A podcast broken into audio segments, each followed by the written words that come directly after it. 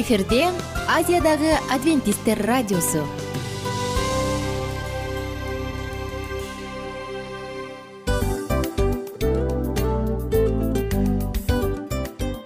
Достор салют. Баардык сүйүктүү угармандарыбызга салам айтабыз. Кутман күнүңүздөр менен. Ден соолук өмүрдүн булагы демекчи саламат саамы программасында баарыңыздарды көргөнүбүзгө абдан кубанычтабыз. Анда алгач амандашып өтөлү арбаңыздар деп. Ден соолугуңуздар кандай элибизде көбүнчө ден соолук кандай дегенде эле жакшы деп жооп беребиз э? ооруп турсак дагы жакшы дейбиз. Анан мен муну айтып ойлойт элем бул абдан сонун сөз депчи анткени бул жакшы деген үмүт да э баары жакшы болот баары сонун. Деп үмүттөнүп атып эле өзүбүздү өзүбүз дарылап коебуз.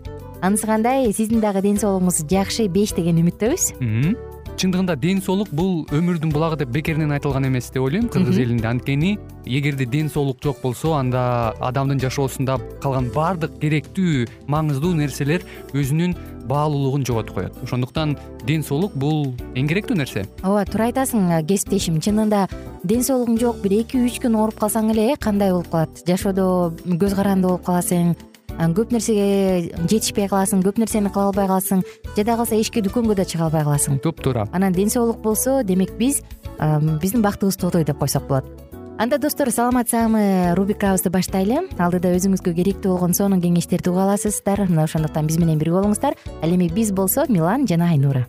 Кеттик алга. Алга саламат саама ден соолуктун жарчысы. Саламат саама ден соолуктун ачкычы. Күн сайын сиз үчүн мыкты кеңештер сонун жаңылыктар кызыктуу фактылар. Биздин рубрикада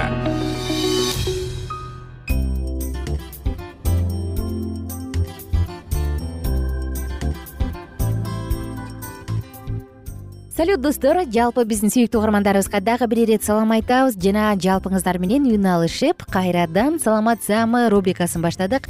Бул радио баракча сиздер үчүн. Анткени бул радио баракчада сиздер менен эң маанилүү кеңештер эң маанилүү маалыматтардын баардыгын бөлүшөбүз. Мына ошондуктан достор эгер сиз дагы ден соолуктун камын көргөн сергек жашоо образы менен жашаганды жакшы көрсөңүз негизи эле сапаттуу бактылуу жашагыңыз келсе анда бул радио баракча сиздер үчүн баардык угармандарыбызды жыштакка жакыныраак отуруп радионун үнүн өктөмүрөөк чыгарганга чакырабыз. Анткени бүгүнкү темабыз абдан маанилүү тема.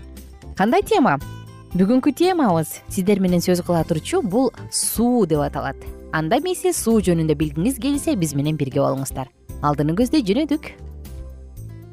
Суу суу дегенде эмне дегенде баарыбыз билебиз э? Бирок ошентсе дагы суунун касиетин бир аз айта кетели курамын айта кетели суутек менен кычкылтектин химиялык бирикмеси суу ал метеорологиялык шартка жараша түрдүү абалда болот. Туман болот булут жаан кар мөңгү муз э? Суунун бир нече абалы бар эмеспи бул физикалык абалы деп мектепте окуп жүргөндө эле өтчүбүз. Бизге көбүрөөк тааныш болгону муз суюктук түрдө анан албетте буу түрүндө кездешкени. Бирок ошентсе дагы эгерде метеорологиялык шарттан алсак туман булут жаан кар мөңгү мына булардын баардыгы сууда көпчүлүк заттар жакшы эригендиктен табиятта таза химиялык туу суу кезикпейт. Караңыздарчы андагы эриген заттын түрүнө жараша суу тузсуз туздуу жана өтө туздуу же рассол болуп айырмаланат. Тузсуз суу тиричиликке чоң мааниге ээ. Жер төрттөн үчтөн төрт бөлүгү суу менен капталып дайыма жаратылышта айланып жүрөт. Жер бетинин алтымыш пайызга жакыны тузсуз сууга муктаж. э беш жүз миллиондой киши суунун жетишсиздигинен же сапатсыз болушунан түрдүү оорулар менен жабыркашат. Караңыздарчы беш жүз миллиондой адам. Жер жүзүндө канча деген бул көп пайыз э? Суу ресурсунун көбүн ичүүгө жана өнөр жайга жараксыз туздуу деңиз жана океан суулар түзөт. Суунун азыктык касиети болбогону болбогону менен тирүү организмдин ажырагыс составдык бөлүгү болуп эсептелет. Өсүмдүктөрдө токсон пайызга чоң кишинин денесинде алтымыш беш пайызга жакын суу болот. Бул биздин өзүбүздүн турган турпатыбыздын алтымыш беш пайызы. Организмде суунун белгилүү санда туруктуу болушу тиричиликтеги тузду зарыл шарттардын бири.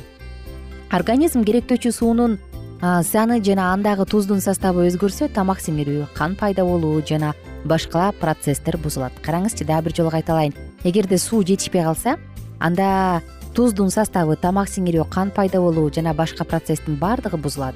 Суусуз организм менен айлана чөйрөнүн ортосунда жылуулук алмашуу дененин туруктуу температурасын сактоо мүмкүн эмес. Адам суусуз бир нече күн жашай калат болгону эле. Эгер ал бирден бир жарым литр суу жоготсо чаңгай баштайт. Дене салмагынын алты сегиз пайызга жакын суусун жоготсо жарым жартылай эстен танат.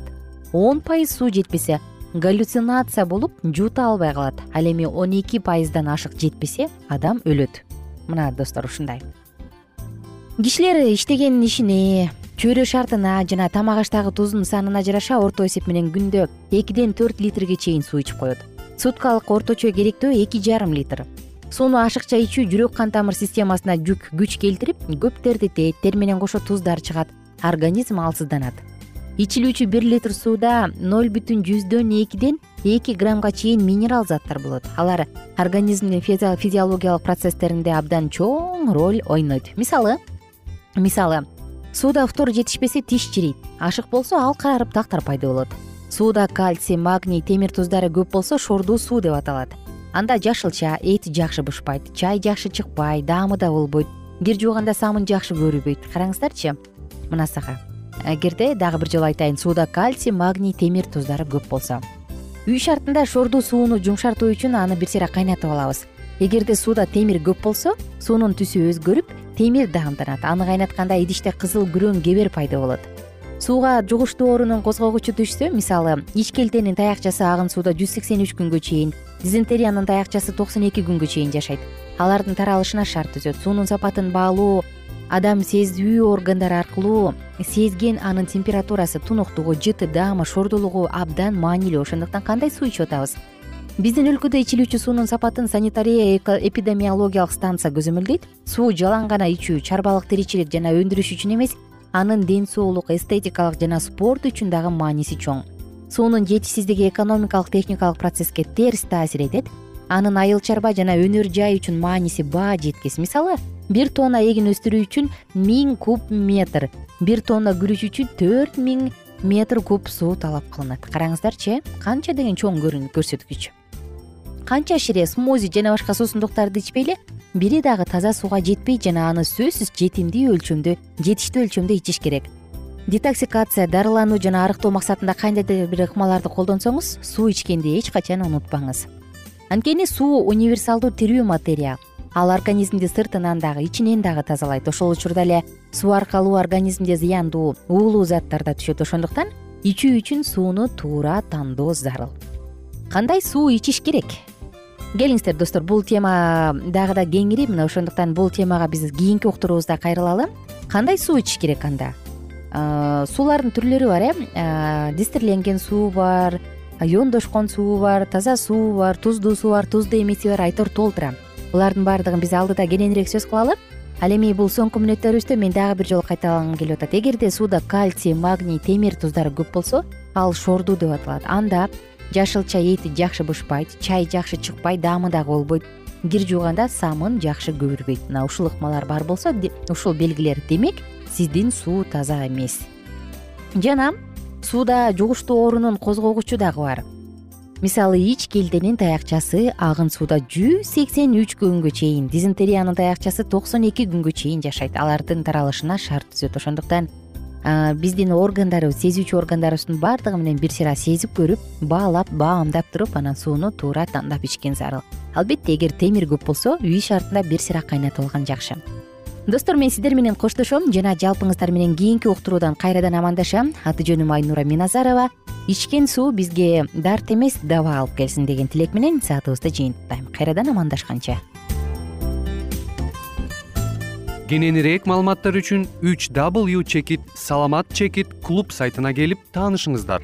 Жана андан тышкары социалдык тармактарда youtube facebook жана instagram баракчаларына катталыңыз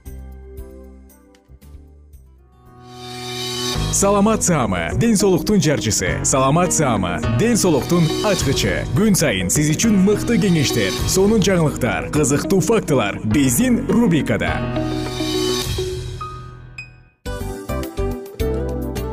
Салам достор. Кайрадан биздин сүйүктүү рубрикабызга кош келиңиздер деп айтмакчыбыз.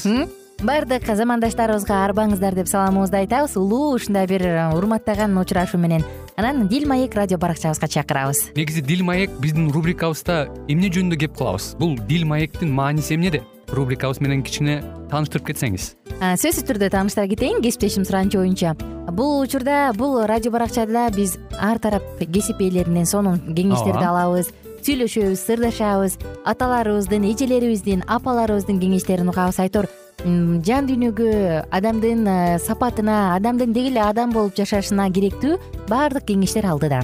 Негизи э, дил маек дегенде баягы эки адамдын ортосундагы сырдашуу кенен сүйлөшүү. Негизи эле биз адамдар бири бирибиз менен бир жерге жай жерге отуруп алып өзүнчө тынч жашоо жөнүндө өмүрүбүздө эмне болуп атканын бөлүшкөнү жакшы көрөбүз э адамдар. Ооба туура айтасың анан мындай учурга кээде убакыт да жетпей келет э? Же болбосо сырыңды кайгыңды муңуңду кубанычыңды айткың келет а адамга ишенбешиң мүмкүн. Ооба. А бул радио баракча угармандарыбыздын чыныгы досу. Анткени бизден алган кеңеш сиздин жашооңузга чоң жардам берет. Ал эми сиздин бизге айта турган сөзүңүз ортодо гана сыр бойдон калат. Ошондуктан биздин дил маек рубрикабызга дагы бир жолу кош келиңиздер. Жана биз даярдаган маалыматтарга даяр болуңуздар. Айнура жана милан сиздер менен бирге алдыга кеттик ар түрдүү ардактуу кесип ээлеринен алтын сөздөр жүрөк ачышкан сыр чачышкан сонун маек дил маек рубрикасында.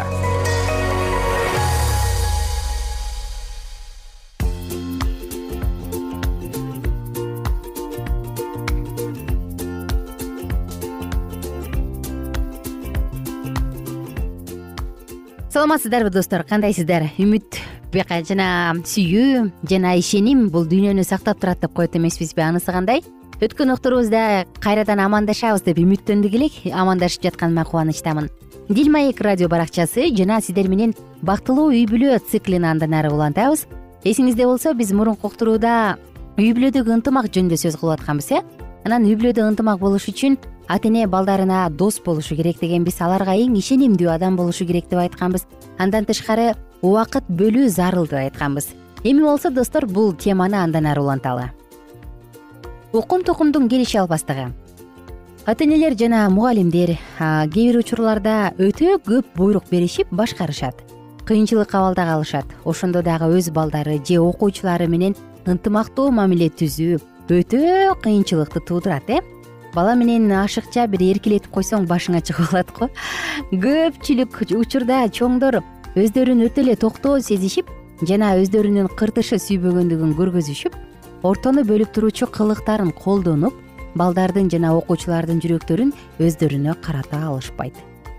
Эгерде улуу адамдар жаш балдар менен тыкыз байланышта болушуп аларга өздөрүнүн аларды сүйүшөрүн билдиришсе алардын баардык башталыштарында алар менен бирге болушса жана кээде өздөрү дагы бала сыяктуу болуп сөз табышса анда алар ошонусу менен эле балдарга болгон ишенимдүүлүктү жана сүйүүнү ээлеп алышып аларга бактылуулук алып беришмек.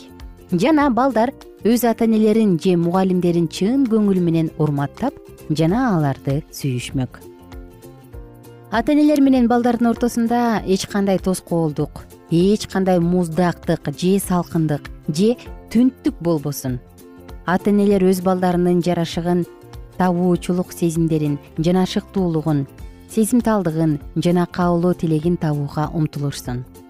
Силердин балдарыңар силер аларды сүйүп алар үчүн колуңардан келгендердин баардыгын алардын бактысы үчүн бүт аракетиңер менен жасап жатканыңарды көрүшсүн. Эгерде силер ушундай иш жасап жаткан болсоңор анда силердин алардан талап кылганыңардын мааниси алар үчүн жогору болот. Өз балдарыңарды сылыктык жана катышуу менен багыттап баш каргыла дешет. Даанышмандык менен жана сүйүүчүлүк башкаруусунун алдында өскөн балдар эч убакта өз үйүнөн башка жака кеңешүү жана көңүл ачуу кумарларын издөө үчүн кетпейт экен үй бүлөдө үстөмдүк кылуучу рух алардын мүнөзүн калыбына келтирет. Алар өздөрүнө түркүк жана коркунуч боло турган кылык жоруктарды чогулта башташат. Качан алар аталарынын үйүн калтырап калтырып жана дүйнөдө өз ордун табышкан мезгилде бул аларга коргонуучу таяныч болот. Өз араңардагы жана силердин балдарыңар менен болгон маегиңерди баалагыла маектешебизби чындыгында балдар менен. Балдарды таанып билгенге балдардын кызыкчылыгы эмне экенин билгенге биз күчүбүздү жумшайбызбы? Балдарыбызды сыйлаганга умтулабызбы анткени баланы сыйлабасаң ал дагы сени сыйлабай калышы мүмкүн э? Кайсынысы силердин пикириңерди көбүрөөк чагылдырып турат? Жоопко ылайыктуу санды тандап алыңыз. Биринчиси тез тез. Экинчиси кези кезде. Үчүнчүсү эч качан. Анда достор келиңиздер. Мүмкүн болсо колуңузга кагаз калем сап алып алыңыз же телефонуңуздун жаздыруучу бөлүмүн жаздыруучу жагын диктофонун күйгүзүп алыңыз дагы бул суроолорго жооп берсеңиз болот биринчиси биз үй бүлөдө болуп жаткан муктаждыктарыбызды талкуулап туруш үчүн бир убакыт бөлүштүрүп коебуз. Экинчиси мен өз балдарымдын сунуштарын мен алар менен макул болбогон учурда дагы урматтап турам. Үчүнчү суроо өз сунушумду айтуудан мурун алардын сунуштарын куунт коюп угам. Төртүнчүсү балдарым мени менен сүйлөшүп жаткан учурда алардын көздөрүн куунт коюп карап турам. Бешинчиси балдарыма мени менен эркин сүйлөшүүгө жана суроолорду берүүгө мүмкүнчүлүк шарт түзүп берем. Достор угармандар өз жолдошуңар же жубайыңар менен суроолорго жоопторду ойлонуштуруп көрүп анан дагы кайсыл нерсени жакшыртуу керектиги тууралуу кеңешкиле мен өз балдарымдын ажарын достугун жана ишенимин ээлеп же кайра кайрып алуум үчүн эмне кыла алам? Бул бизге бүгүнкү күнгө суроо болсун. Караңыздарчы достор үй бүлөдөгү ынтымак бул кичинекей кенедей кезден эле башталат. Үй бүлөдө ата эне баягы жаңы баш кошкондо бири биринин мүнөзүн түшүнгөнчө бири бирине сүрүлүшүп бир кандайдыр бир белгилүү убакыт өтөт. Андан кийин бала пайда болот. Бала пайда болгондон кийин дагы көйгөйлөр пайда болот. Ооба муну бала бакыт дейбиз бирок ал бакыттын дагы өзүнүн төлөнүүчү наркы өзүнүн төлөнүүчү баасы болот эмеспи. Анын өзүнүн көйгөйү бар өзүнүн түйшүгү бар. Ошондуктан бул нерсе биздин татыктуу ата эне болушубузга жана татыктуу адам болушубузга салым кошсо анда сиз эң бактылуу адамсыз. Үй бүлөдө балалуу болууну пландаштырып жатсак анда биз аны багалабызбы? Анда ага коомдо өзүнүн ордун таап бере алабызбы ага татыктуу мамиле бере алабызбы тарбия? Болочокто асман шаарынын бейиштин бир кичинекей үй бүлө мүчөсү катары ага көңүл буруп мамиле кыла алабызбы? Караңыздарчы канча деген маанилүү суроолор э? Канча деген суроолор? Кээде тилекке каршы пландаштырбай эле жөн эле катар катар балалуу болуп же бир балалуу болсо деле пландаштырбай балалуу болуп алып анан ии жок мен деген акча табышым керек аны кылышым керек муну кылышым керек үй салышым керек балам болсо бала бакчада же чоң ата чоң эне синтинде жүрө турсун дейбиз дагы эң таттуу учурларын кое беретебиз. Анан энесинин жүрөгү сыздайт. Мындан улам экөөнүн ортосундагы мамиле бузулушу мүмкүн.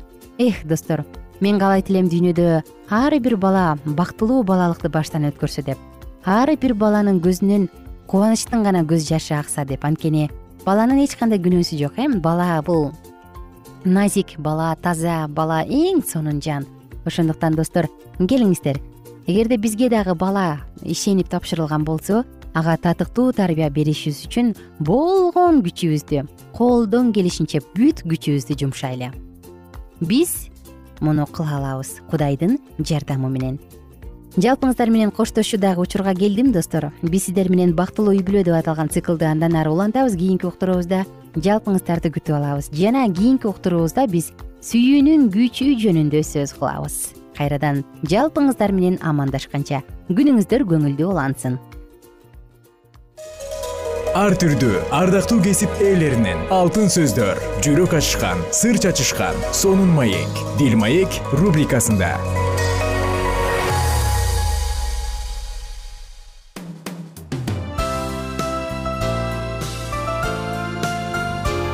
Эфирде азиядагы адвентисттер радиосу.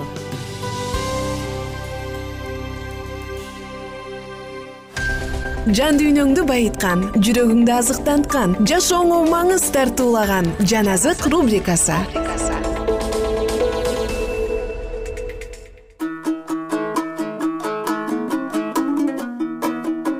Кутман күнүңүздөр менен кадырлуу замандаштарыбыз жалпы биздин ала туубузду аркалаган элибизге арыбаңыздар деп салам жолдойбуз бар болуңуздар аман болуңуздар. Бул жан азык уктуруусу жана сиздер менен бирге жан дүйнөнү азыктандырып жан дүйнөбүздү байыта турган сонун сөздөрдү бирге окуйбуз. Анда эмесе алдыны көздөй жөнөдүк. Лука жазган жакшы кабар жетинчи бөлүм. Биринчи аяттан тарта. Угуп турган элге ыйса өзүнүн сөздөрүн айтып бүткөндөн кийин капернаум шаарына келди. Бир жүз башынын жакшы көргөн кулу ооруп өлүм алдында жаткан эле.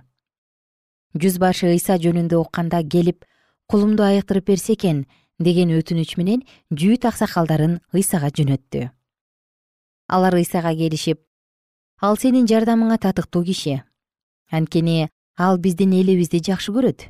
Бизге синагога дагы курдуруп берген деп ага чоң өтүнүч менен кайрылышты. Ыйса алар менен бирге жөнөдү. Ал үйгө жакындап калганда жүз башы ага досторун жиберип мындай деп айттырды.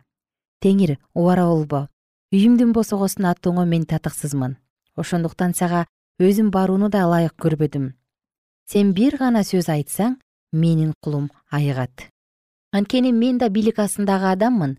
Бирок менин кол астымда да аскерлерим бар. Алардын бирине бар десем барат. Дагы бирине кел десем келет. Кулума муну кыл десем кылат ыйса муну укканда жүз башыга таң калды.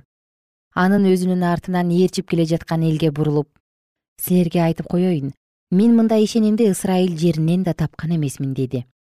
Жиберилген кишилер үйгө кайтып келишип ооруп жаткан кулдун айыгып калганын көрүштү. Анан ыйса найын шаарына барды. Аны шакирттери жана топ эл ээрчип жүрдү. Ал шаардын дарбазасына жакын калганда бир жесир аялдын жалгыз баласынын сөөгүн көтөрүп чыгышты. Аялдын жанында бир топ киши бар эле. Теңир аялды көргөндө аны аяп ыйлаба деди да табытка жакын келип колун тийгизди көтөрүп бара жаткандар токтоп калышты. Ошондо ыйса жигит сага айтып жатам ордуңдан тур деди. Өлү көйдө болуп отурду да сүйлөй баштады. Ыйса аны энесинин колуна тапшырды. Бардыгынын үрөйү учуп арабыздан улуу пайгамбар чыкты кудай өз элине келди деп кудайды даңкташты ал жөнүндөгү мындай көз караш бүткүл жүйүт аймагына жана анын тегерек четтерине тарап кетти. Бул окуялар тууралуу жакан өзүнүн шакирттеринен кабардар болду. Ошондо ал эки шакиртин чакырып келип келе турган сенсиңби же башканы күтүшүбүз керекпи деп суратыш үчүн ыйсага жиберди. Алар ыйсага келишип бизди чөмүлдүрүүчү жакан жиберди ал сенден келе турган сенсиңби же башканы күтүшүбүз керекпи деп сурап жатат дешти. Ал учурда ыйса көптөрдү оору кеселдеринен айыктырып жиндерден бошотуп көптөгөн сокурлардын көзүн ачкан эле. Ыйса жакандын шакирттерине укканыңар менен көргөнүңөрдү жаканга айтып баргыла сокурлар көрүп майыптар басып пес оорулуулар айыгып дүлөйлөр угуп өлгөндөр тирилип жатышат. Жакырларга жакшы кабар таратылып жатат мен ким экендигимден шектенбеген адам бактылуу деди. Жакан жиберген адамдар кетишкенден кийин ыйса элге жакан жөнүндө айта баштады. Ээн талаага эмне көргөнү бардыңар эле? Желге ыргалган камыштыбы? Силердеги эмнени көргөнү бардыңар эле? Кымбат баалуу кийим кийген адамдыбы? Кымбат баалуу кийим кийип шаан шөкөттүү жашагандар падыша сарайларында болушат да силердеги эмнени көргөнү бардыңар эле? Пайгамбардыбы? Силерге айтып коеюн ал пайгамбардан да чоң. Ыйык жазуудагы мен сенден мурун өзүмдүн периштемди жиберип жатам. Ал сага жол даярдайт деген сөз ошол жөнүндө жазылган. Силерге айтып коеюн аял затынан төрөлгөндөрдүн ичинен чөмүлдүрүүчү жакандан чоң бир дагы пайгамбар жок. Бирок кудайдын падышачылыгындагылардын эң кичинеси андан чоң ошондо аны угуп турган бүт эл жана салык жыйноочулар жакандын чөмүлдүрүүсү менен сууга чөмүлдүрүлүп кудайды даңкташты. Ал эми фариселер менен мыйзап окутуучулар сууга чөмүлдүрүлүшпөй өздөрүнө карата кудайдын эркин четке кагышты. Ошондо ыйса мындай деди. Бул муундун адамдарын кимге салыштырсам экен? Алар кимге окшош? Алар көчөдө отуруп алып бири бирине биз силерге чоор тартып бердик бирок силер бийлеген жоксуңар биз силерге муңдуу ырларды ырдап бердик. Бирок силер ыйлаган жоксуңар деп кыйкырган балдарга окшош. Анткени чөмүлдүрүүчү жакан келди. Нан да жебейт шарап да ичпейт. Силер анын ичинде жин бар дейсиңер.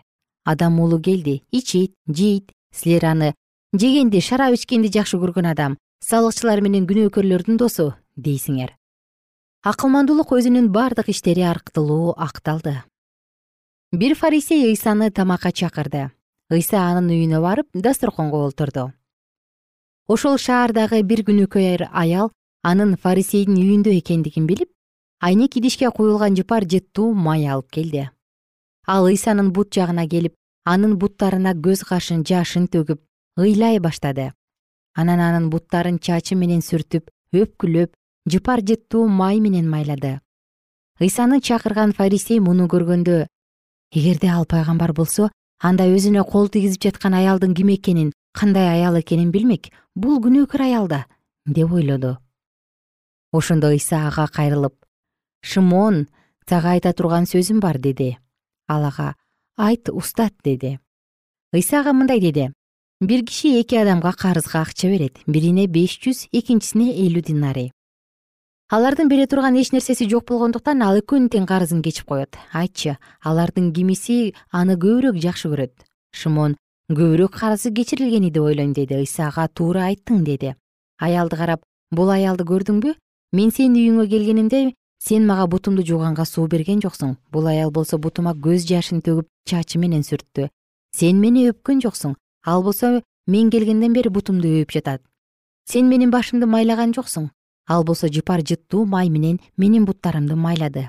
Ошондуктан сага айтып коеюн анын көп күнөөлөрү кечирилди ошон үчүн анын сүйүүсү күчтүү ал эми аз кечирилгендин сүйүүсү күчтүү эмес деди аялга болсо сенин күнөөлөрүң кечирилди деди ошондо аны менен бир дасторкондо отургандар күнөөлөрдү да кечире алган бул өзү ким деп өз ара сүйлөшүштү. Ыйса аялга сени ишенимиң куткарды тынчтык менен бара бер деди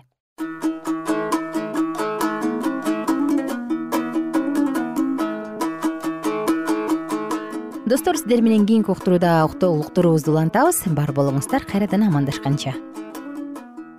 Эгер сиздерде суроолор болсо же көбүрөөк маалымат билем десеңиз анда биздин whatsapp номерибизге жазыңыз.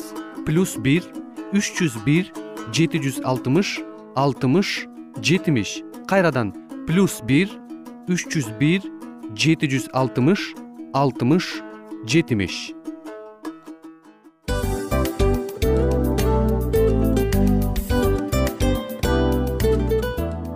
мына ушинтип убакыт дагы тез өтүп кетет экен. Биз дагы радио уктуруубуздун аягына келип жеттик келип кубандырдыңар эми кетип кубандыргыла деп тамашалап калышат эмеспи анысы кандай? Радио баракчабызды программабызды азыр эле баштап аткандай болдук элек мына соңуна келдик э? Негизи убакыт э, билинбей өтүп кетет экен? Мен дагы э, убакыт дегенде бүгүн бир адам менен сүйлөшүп калдым. Анан убакыт бул мүмкүнчүлүк деп айтып өзүмө өзүм айтып алып анан мага өзүмө эле кайра ачылыш болду да чын эле Э, карап отурсаң ошол эле жыйырма төрт саат ошол эле жарым саат кайталанып атат бирок сендеги мүмкүнчүлүк жок ошол кой берилип кетти. Анысы кандай бүгүнкү сонун убактыңызды алтындай болгон жарым саатыңызды бизге бөлүп арнаганыңыз үчүн ыраазычылык айтабыз. Анан жашооңуздун кайсы бир сферасын өзгөртө турган сонун пайдалуу кеңеш алган болсоңуз анда биз максатыбызга жеттик анан ушул нерсени кылбасам десеңиз ошол өзгөрүүлөрдү кичинекей кадамдардан баштап иш жүзүнө ашырыңыз дагы жашооңузда чоң чоң ийгиликтерге жетиңиздер чын жүрөктөн ар бир берилген кеңештер сөздөр сиздерге пайдасын алып келет деп ишенебиз жана кийинки уктурууларда сөзсүз түрдө чыдамсыздык менен сиздерди күтөбүз. Сагынычтуу салам айтып кайрадан дал ушул жыштыктан баардыгыңыздарды тосуп алганча. Кызматта мен айнура жана кесиптешим милан. Анда кол пулга алайбыз жалпыңыздарга ийгиликтүү күн. Саламатта калыңыздар